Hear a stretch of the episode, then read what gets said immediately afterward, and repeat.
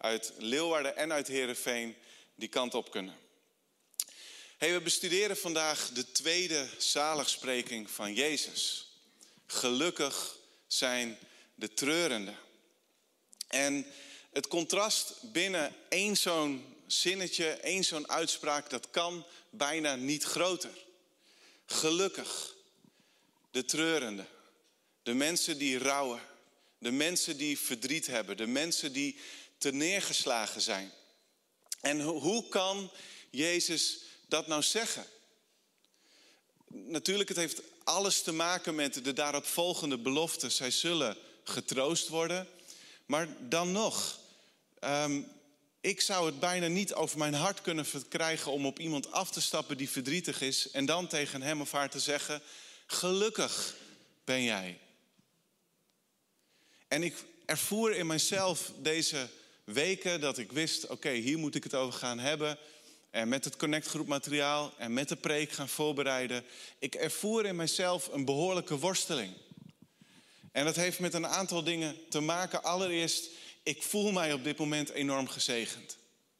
Natuurlijk, het leven is nooit helemaal volmaakt, maar wij voelen ons enorm geliefd door heel veel mensen. We voelen ons zo ontzettend rijk in deze tijd dat heel veel mensen steeds meer moeite hebben om rond te komen. We voelen ons echt gezegend. En tegelijkertijd, natuurlijk zijn er tijden geweest in ons leven, van ons gezin, um, korter of langer geleden, dat we juist wel verdriet kenden. En wat ik soms nog moeilijker en ingewikkelder vind, is het verdriet van andere mensen om me heen. Mensen die te maken hebben met echt depressie, met zo'n verlies dat je denkt, wat moet ik zeggen? Met teleurstelling op teleurstelling, met pijn, met moeite. En daar heb ik soms heel veel moeite mee. En dan kan ik me niet voorstellen dat iemand tegen mij zou zeggen, of dat mensen het tegen elkaar zeggen, of dat ik het dus zelf tegen iemand zeg, op zo'n moment, gelukkig ben jij. Nu je je zo voelt, nu je dit allemaal meemaakt. Hoe kan Jezus dit zeggen? Ik, ik dacht echt, dit is de meest lastige zaligspreking die ik had kunnen krijgen om in deze maanden over te hebben. Maar goed, juist op zo'n moment denk ik ook weer, dit is de Bijbel. En het is mijn roeping, zo ervaar ik het in ieder geval, om de Bijbel uit te leggen, te bestuderen. Om te kijken wat betekent het, om niet alleen maar de makkelijke teksten eruit te halen, maar ook juist die uitdagende teksten. Dus dat heb ik gedaan, gebeden, uh, aanbiddingsmuziek beluisterd, bestudeerd. Uh, allerlei bronnen erbij gepakt om te proberen deze woorden uit te leggen. En er zijn, uh, of er is, er is allereerst dan de vraag, als je dit hebt gelezen, wie zijn de treurenden? En ik denk dat er twee antwoorden mogelijk zijn. En vanuit die twee antwoorden ook twee wegen van verdriet naar geluk en vreugde. Nou, wie zijn de treurenden? Lezen jullie mee. Allereerst de mensen die verdriet hebben over zonde en gebrokenheid in de wereld.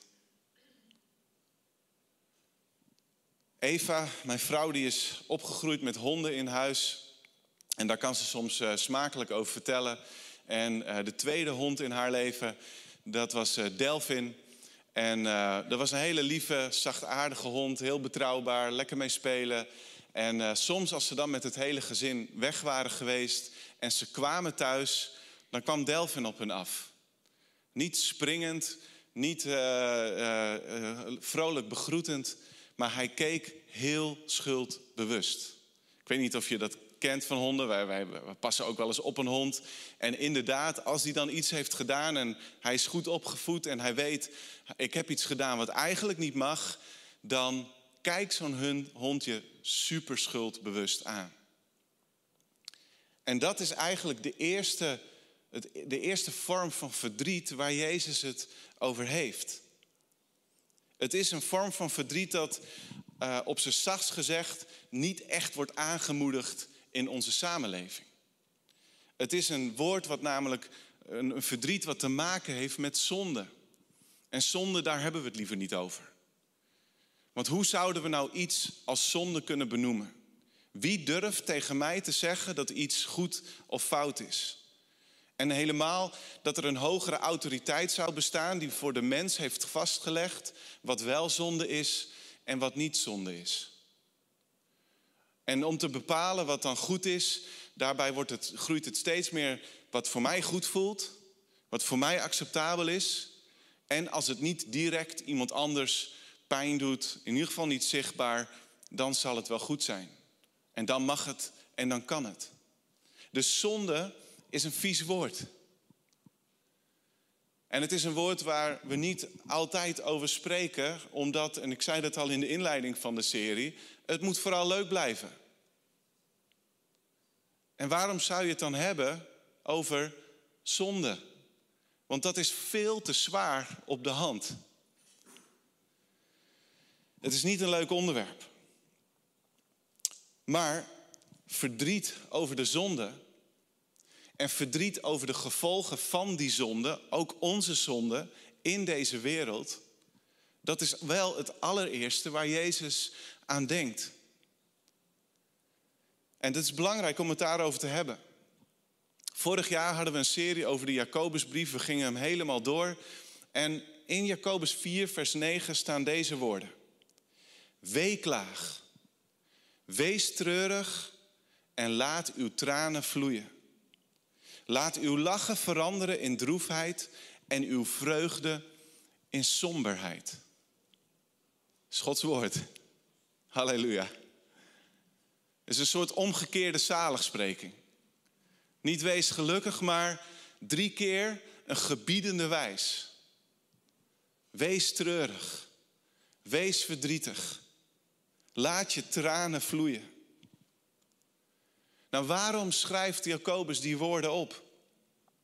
Gezien het hele taalgebruik denkt hij aan mensen die zich soms helemaal te buiten gaan. In allerlei opzichten. En daarbij werd er flink gelachen en gefeest. En dat is in deze tijd niet anders. Maar ook als je jezelf niet herkent in iemand die zo tekeer gaat in, in een bar, café of waar dan ook, dan zullen we allemaal op het punt moeten komen dat we erkennen, ik heb gezondigd. We menen het soms beter te weten dan God zelf. We geven toe aan verslavingen die niet gezond zijn voor ons lichaam en voor onze geest. We kwetsen mensen. We sjoemelen met financiën of met onze papieren. We laten na wat goed is, omdat het een beetje te oncomfortabel is om het goede te doen. En zonde betekent dat we Gods doel voor ons leven missen. Dat we in opstand komen eigenlijk tegen God zelf. Dat wij op de stoel van God gaan zitten en wel bepalen wat goed is. En dat we Zijn orde en Zijn leefregels naast ons neerleggen. Dat is zonde. En daar mogen we best wel eens wat meer verdriet en berouw over hebben. Daar mogen we wel eens wat vaker bij stilstaan en er niet aan voorbij gaan en er overheen stappen.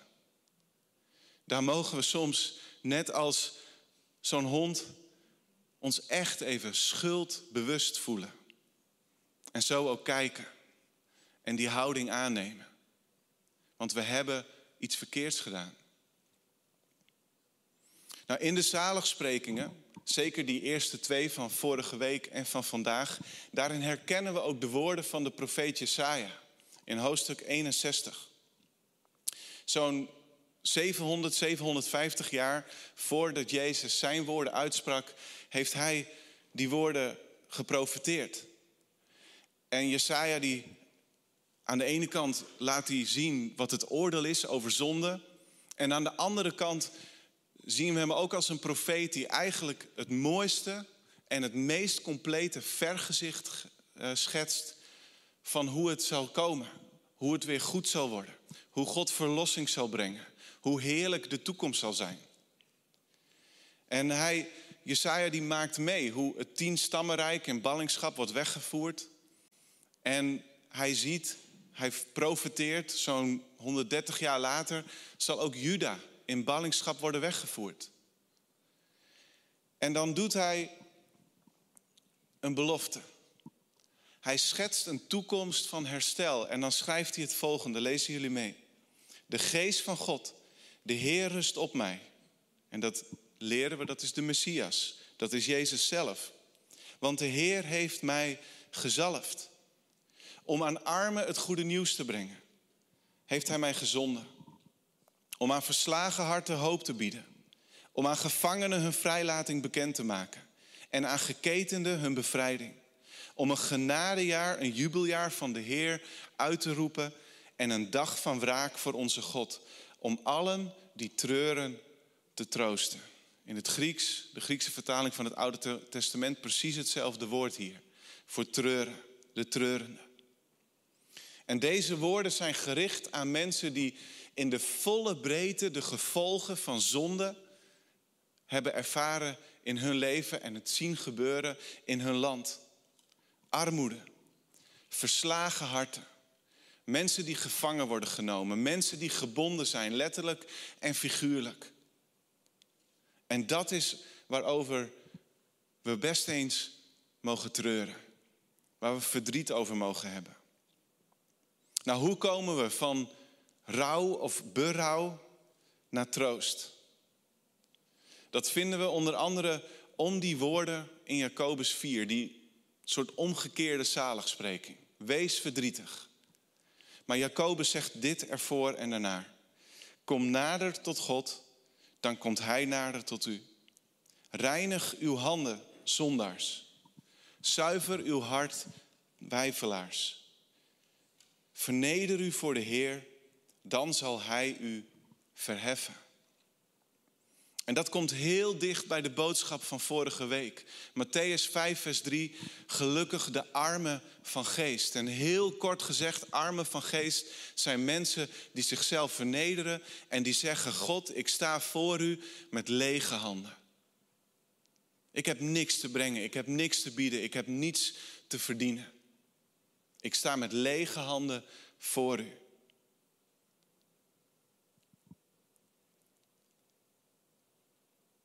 En Jacobus die zegt het zo. Verneder jezelf. Reinig je handen. Zuiver je hart. Dan zal God ons verheffen. En Jesaja die geeft hele mooie woorden aan dat woord verheffen. Lezen jullie mee. Als we doorlezen in Jesaja 61, dan staat daar: De Heer heeft mij gezalfd om aan Sions treurenden te schenken. Een kroon op hun hoofd in plaats van stof. Vreugdeolie in plaats van rouw. Feestkledij in plaats van verslagenheid. Men noemt hen terebinten van gerechtigheid. Geplant door de Heer als teken van zijn luister. En opnieuw heb ik het dat even onderstreept. Het gaat hier om hetzelfde de woord treurende. En daarvoor is Jezus gekomen. Aan hen wil hij geven een kroon, feestkleren in plaats van stof, in plaats van neerslachtigheid. En we moeten ons realiseren dat, dat wat Jezus brengt, wat Jezus geeft, dat dat altijd een reeds en een nog niet is. Het is met Jezus gekomen, we mogen het zo ervaren. En tegelijkertijd, het koninkrijk zal pas ten volle werkelijkheid worden, ten volle doorbreken op het moment dat Jezus weer terugkomt. De Bijbel is daar heel duidelijk over. Maar Jezus in ons leven is nu al troostrijk, is nu al Immanuel, is vandaag God is met ons. Nou, hoe kunnen we weer even met de woorden van Jacobus onze handen reinigen en ons hart zuiveren? Ik zei het al, dat lukt ons zelf niet. Het is alleen door Jezus. En in Romeinen 3 zegt Paulus het zo.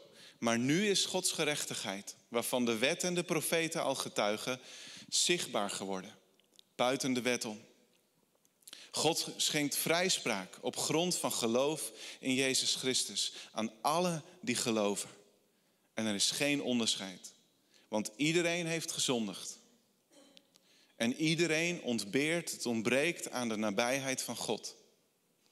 En iedereen wordt alleen uit genade gerechtvaardigd. Om niet. Dankzij de verlossing door Jezus Christus. Nou, deze tekst zou je eigenlijk de komende week iedere dag een paar keer moeten lezen. We beginnen met rouw en berouw. We beginnen met zonde beleiden, ons neerbuigen en erkennen, we hebben allemaal gezondigd. Niemand van ons zou uit zichzelf in de nabijheid van God kunnen en mogen leven. We hadden allemaal een straf verdiend op de schuld van onze zonde. Maar vervolgens mogen we onze ogen richten op Jezus. Die stierf aan het kruis van Golgotha. De enige God, mens, die zonder zonde was. En die de straf voor onze zonde op zich heeft genomen. Om die straf weg te nemen. Dus uit genade, onverdiend, wordt ons het leven met God aangeboden. Door het verlossende werk van Jezus. En wie verdriet kent over zijn of haar zonde, die kan de weg vinden naar troost, vergeving en verlossing. Vrijspraak heeft Paulus het over. Dus Jezus spreekt tegen mensen die leren te treuren en berouw te hebben over hun zonde. Maar door de verbinding met opnieuw Jesaja 61 en ook door het geheel van de Bijbel, kunnen we ook zeggen dat Jezus het hier heeft over, lezen jullie mee, mensen die verdriet hebben door verlies en lijden. Gelukkig zijn de treurenden. Het Griekse woord in Matthäus 5, vers 4 wordt ook gebruikt voor mensen die treuren over verlies. Als Jozef bijvoorbeeld door zijn broers in de put is gegooid en daarna er weer is uitgehaald en verkocht als slaaf om naar Egypte te gaan, dan bedenken zijn broers een list. Ze slachten een geitenbokje, pakken die hele mooie mantel van Jozef, smeren die er vol met bloed en sturen het op naar hun vader en laten hun vader zelf de conclusie trekken. En dan reageert Jacob als volgt. Jacob scheurde zijn kleren, deed een rouwkleed om en rouwde over zijn zoon.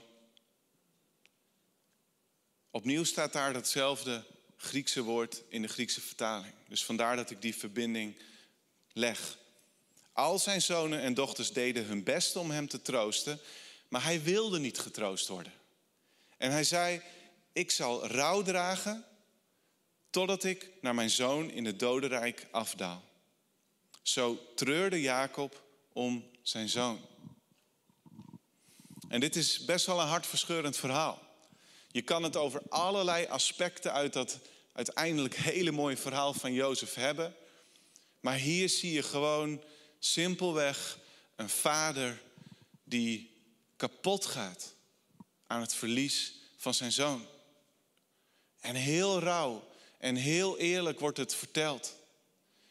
En als zijn andere zonen en dochters bij hem komen om hem proberen te troosten, dan wil hij niet eens hun troost aanvaarden.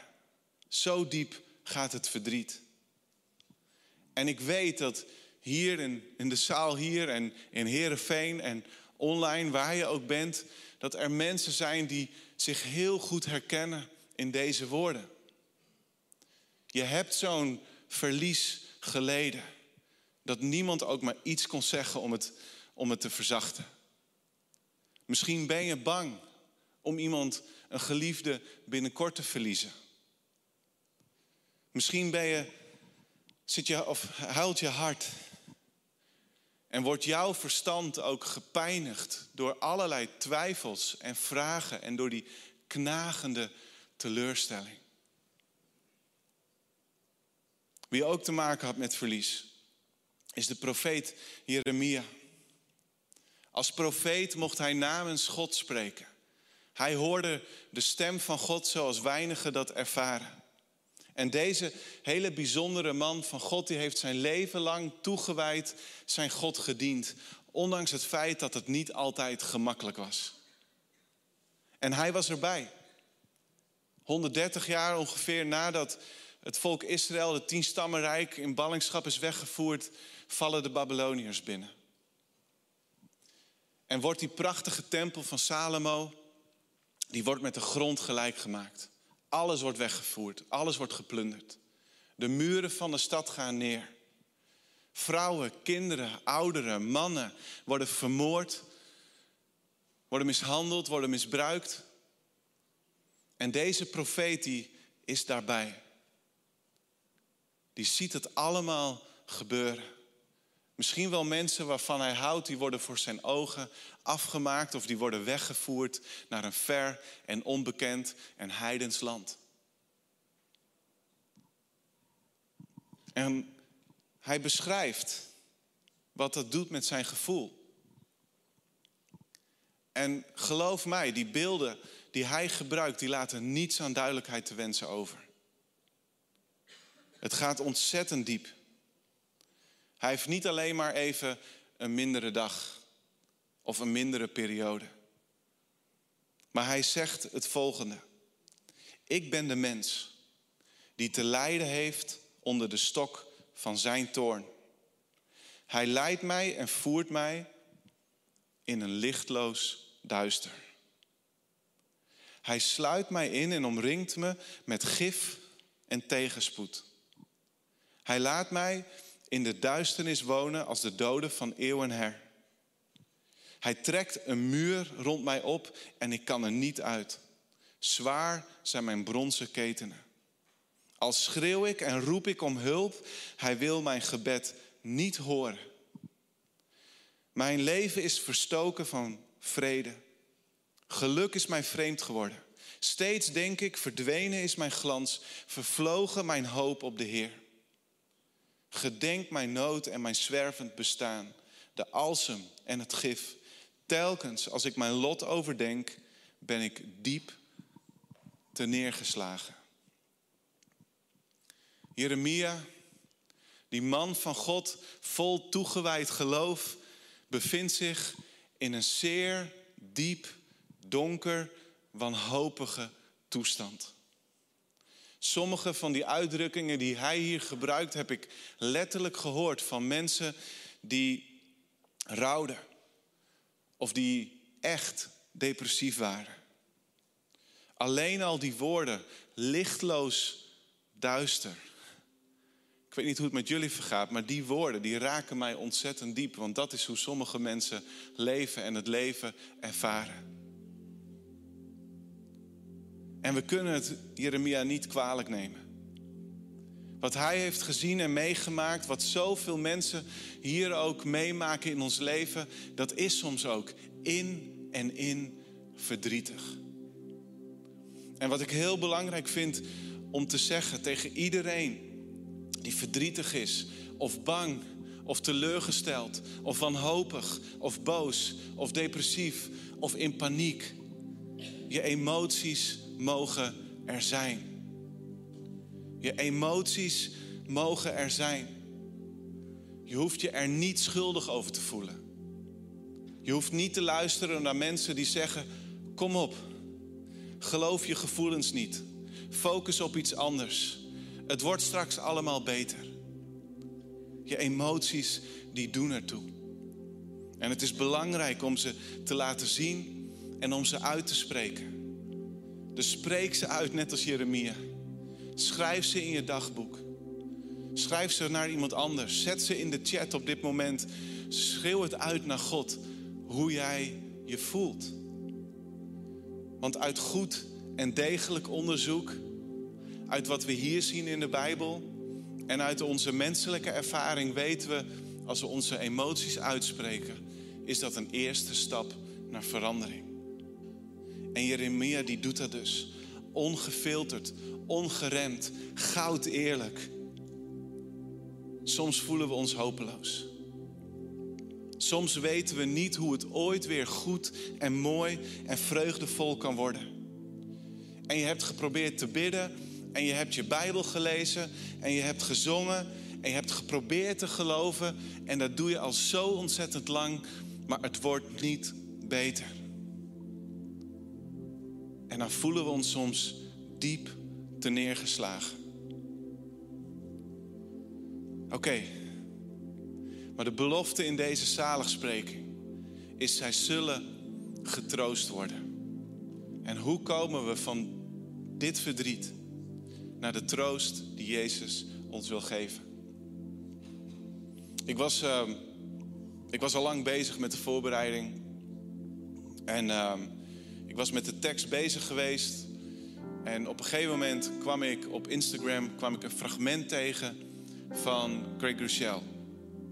Ik heb zijn naam wel eens eerder genoemd, voorganger van Life Church. En uh, hij las een brief voor die hij had gekregen als reactie op een preek van hem. En een vrouw die schreef hem bedankt voor je woorden. Ze zegt, ze, ze schrijft, ik ben 29 jaar getrouwd geweest met mijn man. En mijn man die was aan het begin ontzettend depressief. Heeft er jaren mee geworsteld. En op een gegeven moment is hij theologie gaan studeren en ging het beter met hem. Dus wij dachten, onze, onze jaren, onze moeilijke jaren, die liggen achter ons. Tot de dag kwam dat onze zoon van 13 omkwam bij een verkeersongeluk. En ze zegt, mijn man die werd naar beneden gezogen. En die raakte opnieuw in een depressie. Totdat hij op een gegeven moment zo wanhopig werd dat hij een einde maakte aan zijn eigen leven. Maar dan schrijft ze: Bedankt voor uw woorden. En ze eindigt met eigenlijk een stukje uit Klaagliederen 3, wat we zo gaan lezen. Maar ze eindigt de brief met de woorden: Jezus is genoeg. Jezus is genoeg. Dus ik heb ook even naar die preek gekeken. Een aantal elementen zijn geïnspireerd door die preek of sloten aan bij wat ik al had opgeschreven of gedachten of mijn eigen gevoelens en vragen bij deze tekst. En dat is vaak hoe het gaat, zo'n preek voorbereiden. Het is bijbelstudie, het is bidden, het is zingen, het is onderzoek doen, het is levenservaring van mezelf naar boven halen of van andere mensen. En zo komt zo'n preek geïnspireerd door de Heilige Geest tot stand. Maar Jeremia, die verzwijgt dus zijn emoties niet. Hij verwoordt ze levendig en openlijk en eerlijk. Hij zegt, ik voel mij dus alsof alle hoop vervlogen is. Maar door, met zijn eigen woorden, het overdenken van zijn lot, realiseert hij zich, ja, zijn emoties zijn geldig. Ze zijn reëel. Ze mogen er zijn. Ze hoeven niet te worden weggestopt, maar ze zijn niet blijvend. Ze zijn niet blijvend. En ze zijn niet leidend. Het is nooit verstandig om op basis van tijdelijke heftige emoties belangrijke definitieve beslissingen te nemen. En al denkende, al pijnzende, breekt er iets door. De situatie voelt hopeloos. Maar met God is er altijd hoop. En dan lees ik onder andere de woorden voor van die vrouw, maar ook van Jeremia. En denk waar die vandaan komt, in welke omstandigheden hij zit. En dan schrijft hij dit, lezen jullie mee. Toch geef ik de hoop niet op. Want hieraan houd ik vast. De Heer bewijst zijn liefde. We zijn nog in leven, we ademen nog. Zijn ontferming kent geen einde. Elke morgen schenkt Hij nieuwe weldaden. Veelvuldig blijkt uw trouw. Ik besef, mijn enig deel, mijn enig bezit is de Heer. Al mijn hoop is op Hem bevestigd. En hier is geen sprake van verandering in de omstandigheden. Maar hier is sprake van verandering in zijn houding en perspectief. God bewijst nog steeds zijn liefde. God is altijd trouw geweest in de loop der eeuwen aan zijn mensen en zo zal hij dat ook zijn in de toekomst. Zelfs als het bijna niet te zien is, kunnen we toch bedenken dat God iedere dag iets geeft, gunstbewijzen, weldaden, al is het alleen maar de adem waardoor wij leven. Als God zo trouw is, bedenkt Jeremia, dan is er hoop voor de toekomst. Mijn enig bezit is de Heer. Dat wil zeggen, hij denkt aan de Levieten. Die hadden geen erfdeel in Israël. Ze hadden geen eigen land. Maar God zegt, ik zal zelf jullie bezit. Ik zal zelf jullie deel zijn. Ik zal voor jullie zorgen. Ik zal voorzien in wat jullie nodig hebben. En Jeremia, die betrekt zichzelf als het ware in die belofte. God zelf zal mij geven wat ik nodig heb. En ik kan me zo voorstellen dat Jeremia naar beneden keek toen hij bedacht, ik leef in lichtloos duister. Maar dat als hij deze woorden spreekt, dat hij omhoog kijkt naar de hemel. Dat hij misschien wel zijn handen in de lucht deed. En weet je, de handen in de lucht is allereerst een teken van overgave. Ik geef me over. Ik kan het niet alleen. Help. Ik heb hulp nodig. En tegelijkertijd is het ook een uiting van overwinning. We juichen met de handen in de lucht als er een doelpunt wordt gemaakt, als we een overwinning vieren. En dat is zo mooi. In de overgave aan God gaan we de overwinning bereiken en vieren. Door ons over te geven. Door te zeggen, ik kan het niet. Kunnen we met God door alles heen komen. En dat is een troost vandaag. Zij zullen getroost worden. Is niet alleen maar hoop voor de toekomst, maar het is ook voor vandaag. God is trouw aan jou vandaag. Jezus houdt van je en hij bidt voor je. Vandaag is er troost. Vandaag is Jezus Immanuel. God is met jou. En het is een voorbode, die troost van vandaag, voor wat er gaat komen. Laten we het lezen, die prachtige woorden uit Openbaring 21.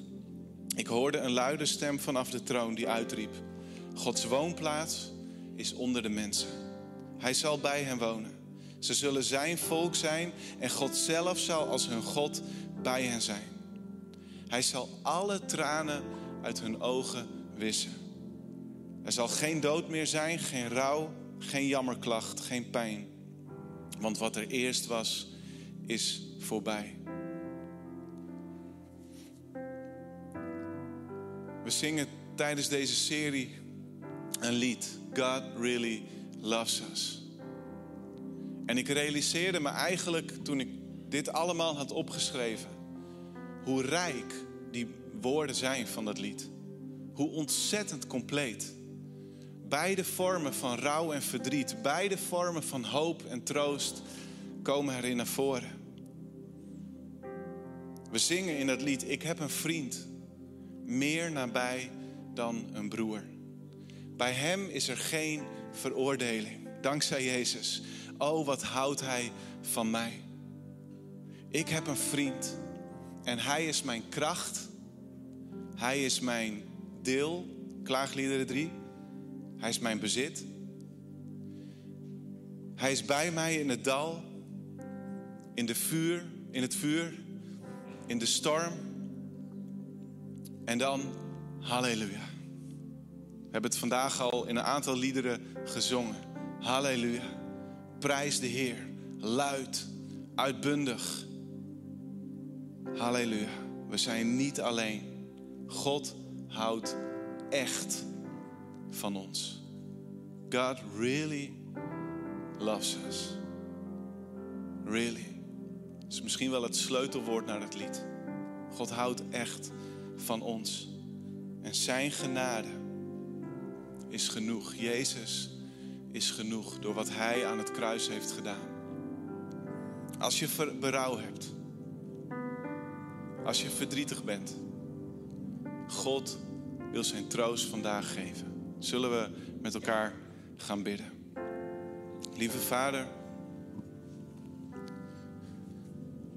gelukkig zijn de mensen die treuren. Heer, het lijkt zo tegenstrijdig, onmogelijk. Het lijkt harteloos om te zeggen. En tegelijkertijd, Heer, is het volledig waar. En wilt u het vandaag tot een realiteit voor ons allemaal maken? Gelukkig mogen we worden, omdat u ons ziet, omdat u onze emoties niet veroordeelt, omdat u ons gemaakt hebt met onze emoties. En God, daarom beleiden we dat. Heer, daarom beleiden we dat we gezondigd hebben. Dat we verkeerde dingen hebben gedaan. Dat we op dit moment gebonden zijn aan een verslaving die niet goed is voor onze geest. Die onze relatie met u vertroebelt. Die slecht is voor ons lichaam. We beleiden dat we het roer in eigen handen hebben genomen. We beleiden dat toen we wisten wat goed was, dat we dat hebben nagelaten. Beleiden dat we zelf niks te brengen hebben. Maar dank u, Jezus, voor het kruis. Dank u dat u bent gestorven om ons om niets vrijspraak te geven. En als je vandaag deel wilt hebben aan die vrijspraak, als je het vonnis wilt horen, ik hou van je, je bent vergeven, je bent gereinigd, je bent gezuiverd, dan kun je die keus vandaag maken. Jezus, u bent mijn redder. U bent mijn verlosser. Ik aanvaard uw offer. Dank u wel dat u voor mij hebt betaald. En ook als je vandaag verdrietig bent. Ik realiseer me zo goed en voor een deel kan ik het mee ervaren. Soms voelt het gewoon hopeloos. Uitzichtloos. Is de pijn echt te groot? gaat ons hart doormidden, zo voelt het. Soms huilen we om de mensen om ons heen. Maar God is vandaag hier aanwezig om Zijn troost te geven. Om te zeggen, het gaat niet om wat jij hebt en jij kan brengen. Maar laat mij jouw bezit zijn. Laat mij op de eerste en de laatste plaats in je leven komen. Laat mij je leven vullen.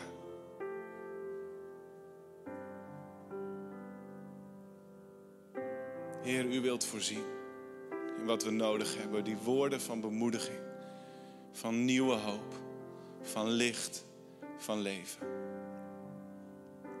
En ik bid, Heer, als we zo dat lied gaan zingen, God really loves us. Dat u nadert.